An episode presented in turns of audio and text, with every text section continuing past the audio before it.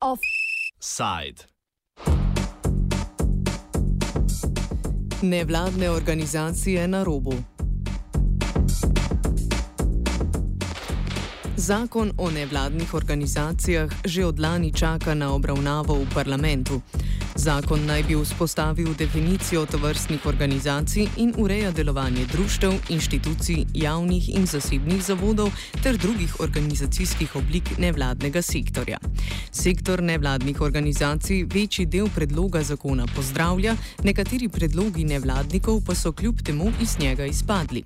Novi zakon bi moral biti po besedah direktorja Centra za informiranje, sodelovanje in razvoj nevladnih organizacij, krajše CNVOS, Gorana Forbicija, sprejet že lani, a je še vedno v parlamentarni proceduri, saj ureja področja, ki jih pokriva več kot 20 med seboj še neusklajenih zakonov. Po izvornih načrtih bi moral v resnici biti v decembru že obravnavan in januarja objavljen ampak ker ta zakon spreminja 25 zakonov, sta izmed teh 25 zakonov v parlamentarni proceduri še dva zakona, ki se, dva od teh, ki se tudi spreminjata in je uh, poslovnik parlamenta uh, z dobrim razlogom seveda pravi, da se mora um, prvo zakon, ki ga spreminjaš z poznejšim zakonom, najprej spremeniti, uh, uh, preden se lahko tisti, ki ga spreminja, obravnava, to pa zato, da ne bi prišlo do kakšnih navskrižnih in napačnih sklicev in tako dalje. Zakon sicer podrobno ureja status nevladnih organizacij in možnosti za pridobitev statusa organizacije v javnem interesu ter ustvarja podporno okolje za delovanje nevladnih organizacij. Ta zakon sedaj tudi jasno pravi, da nisi nevladna, vsaj v svojem predlogu, no, da nisi nevladna organizacija, če uh, ima bodi si oblast, lokalna ali državna, ali pa gospodarstvo več kot 25-procentni delež v tvojih organih upravljanja, kar bi pomenilo več kot četrtinski vpliv na tvoje odločitve. In tako naprej, to so neke stvari, skratka, ki doslej niso bile urejene z dobenim od tistih zakonov, ker seveda doben od njih ni horizontalen, pač pa velja sam za samostojno pravno osebo. Ta zakon to ureja. Druga stvar, ki jo Eh, pomembno ureja, je eh, status javnega interesa za čisto vse nevladne organizacije. Sedaj namreč so do statusa lahko prišli sem, prišli sem eh, društva, pa le na nekaterih področjih tudi zavodi, ustanove, mladinski sveti. Tretja stvar, vsaj v grobem ta zakon daje neko skico podpornega okolja, ki bi ga ta država morala zagotavljati, zato da bi nevladni sektor lahko uspešno, učinkovito upravljal svoje naloge in bil njen uh, kvaliteten partner. Posebej podrobno predlog zakona ureja področje javnih razpisov in načine kandidiranja specifičnih nevladnih organizacij. Primer, ali vsi zasebni zavodi spadajo med nevladne organizacije ali ne, ta zakon sedaj pravi jasno, da ne. V primeru, če Eh, nimajo statutarno določene, da so neprofitne, skratka, da dobička ne izplačujejo. Ta zakon sedaj tudi jasno pravi, da nisi nevladna, vsaj v svojem predlogu, no, da nisi nevladna organizacija, če uh, ima bodi si oblast, lokalna ali državna, ali pa gospodarstvo več kot 25-procentni delež v tvojih organih upravljanja, kar bi pomenilo več kot četrtinski vpliv na tvoje odločitve. Eh, in tako naprej. To so neke stvari, skratka, ki doslej niso bile urejene. Zakonski predlog glede nevladnih organizacij upeljuje tudi novo razlikovanje med javnimi in zasebnimi zavodi. Ta zakon zdaj prvič uh, uh, glede nevladnih organizacij, glede zavodov pa nič ne rešuje v resnici, ampak glede nevladnih organizacij pa pravi, ali pa tudi glede zavodov v toliko, da reče, zavod, ki ima javnega ustanovitelja, če tako rečeva, ne? Skratka, ne, nek zavod, ki bi ga, nek zasebni zavod, ki bi ga ustanovila občina, ni nevladna organizacija. Je pa seveda še vedno zasebni zavod.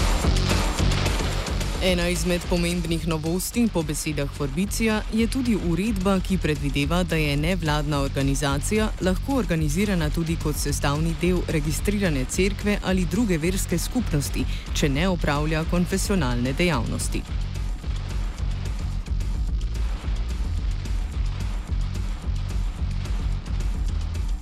Tu smo pravzaprav sledili te neke, bom rekel, mednarodno najbolj uveljavljeni politiki glede tega, kdo so nevladne organizacije, če tako rečem. Vse so kakšne druge tudi, da ne bo pomoten, ampak nekako najbolj prevladojoče je vendarle ta, da so lahko uh, ta, temu se reče, faith-based organization v angleščini v resnici, ne? Uh, skratka, ki so organizacije, ki sicer so v nekem smislu pod okriljem cerkva, ne, katerih koli že, ne, pa vendarle njihova primarna dejavnost ni konfesionalna, pač pa recimo kulturniška, humanitarna, raziskovalna, ne na zadnje, da te so lahko tudi nevladne organizacije.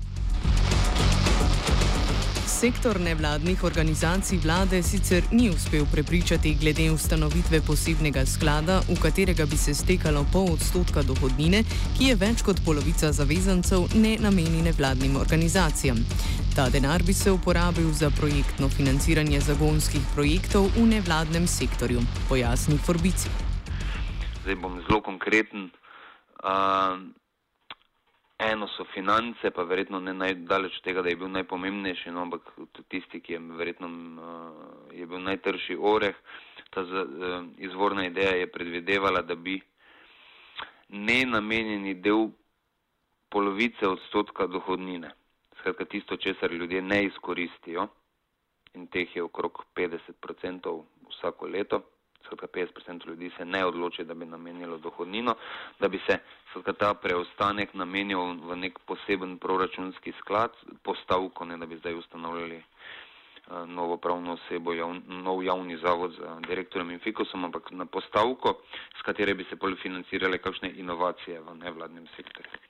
Uh, to ni uspelo, zdaj uspeli smo sicer s tem, da to vrstne um, inovacijske potencijale raziskovanja, zaposlovanje visoko kvalificiranih kadrov, etc. država sicer naj bi financirala, nismo pa uspeli za to zagotoviti direktnega denarja, če tako rečem. Druga pomankljivost predlaganega zakona pa je umankanje ureditve, ki bi nevladnim organizacijam v javnem interesu podala pravni interes za vlaganje ustavnih tožb, predvsem na področju človekovih pravic. Druga stvar, ki je morda ostala nerealizirana, so nekatere bonitete. Ena je bila, pa, pa ne vem, mogoče se običajnemu bralcu se zdijo precej abstraktne, ampak recimo na polju človekovih pravic so pa lahko pomembne ali pa tudi na področju okolja. To je, da bi organizacije, ki, nevladne organizacije, ki imajo status v javnem interesu, imele po zakonu pravni interes za vlaganje ustavnih tožb. Sicer novi zakon predvideva oblikovanje smernic delovanja nevladnega sektorja vsake štiri leta.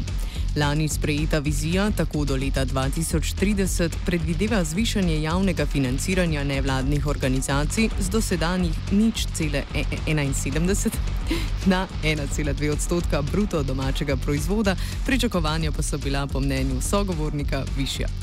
Zato so tu pričakovanja vse čas bila večja od vladne strategije, nevladnega sektora, ki ta zakon pravi, da uh, vsaka štiri leta ali pet, da ne vem na pamet, uh, država spreme, vlada spreme strategijo razvoja nevladnega sektorja in tam pravzaprav zapiše neke zelo konkretne finančno in časovno vrednotene ukrepe. Ne. Offside je pripravil vajenec Miha. RB, NMI, IRA, megahertz.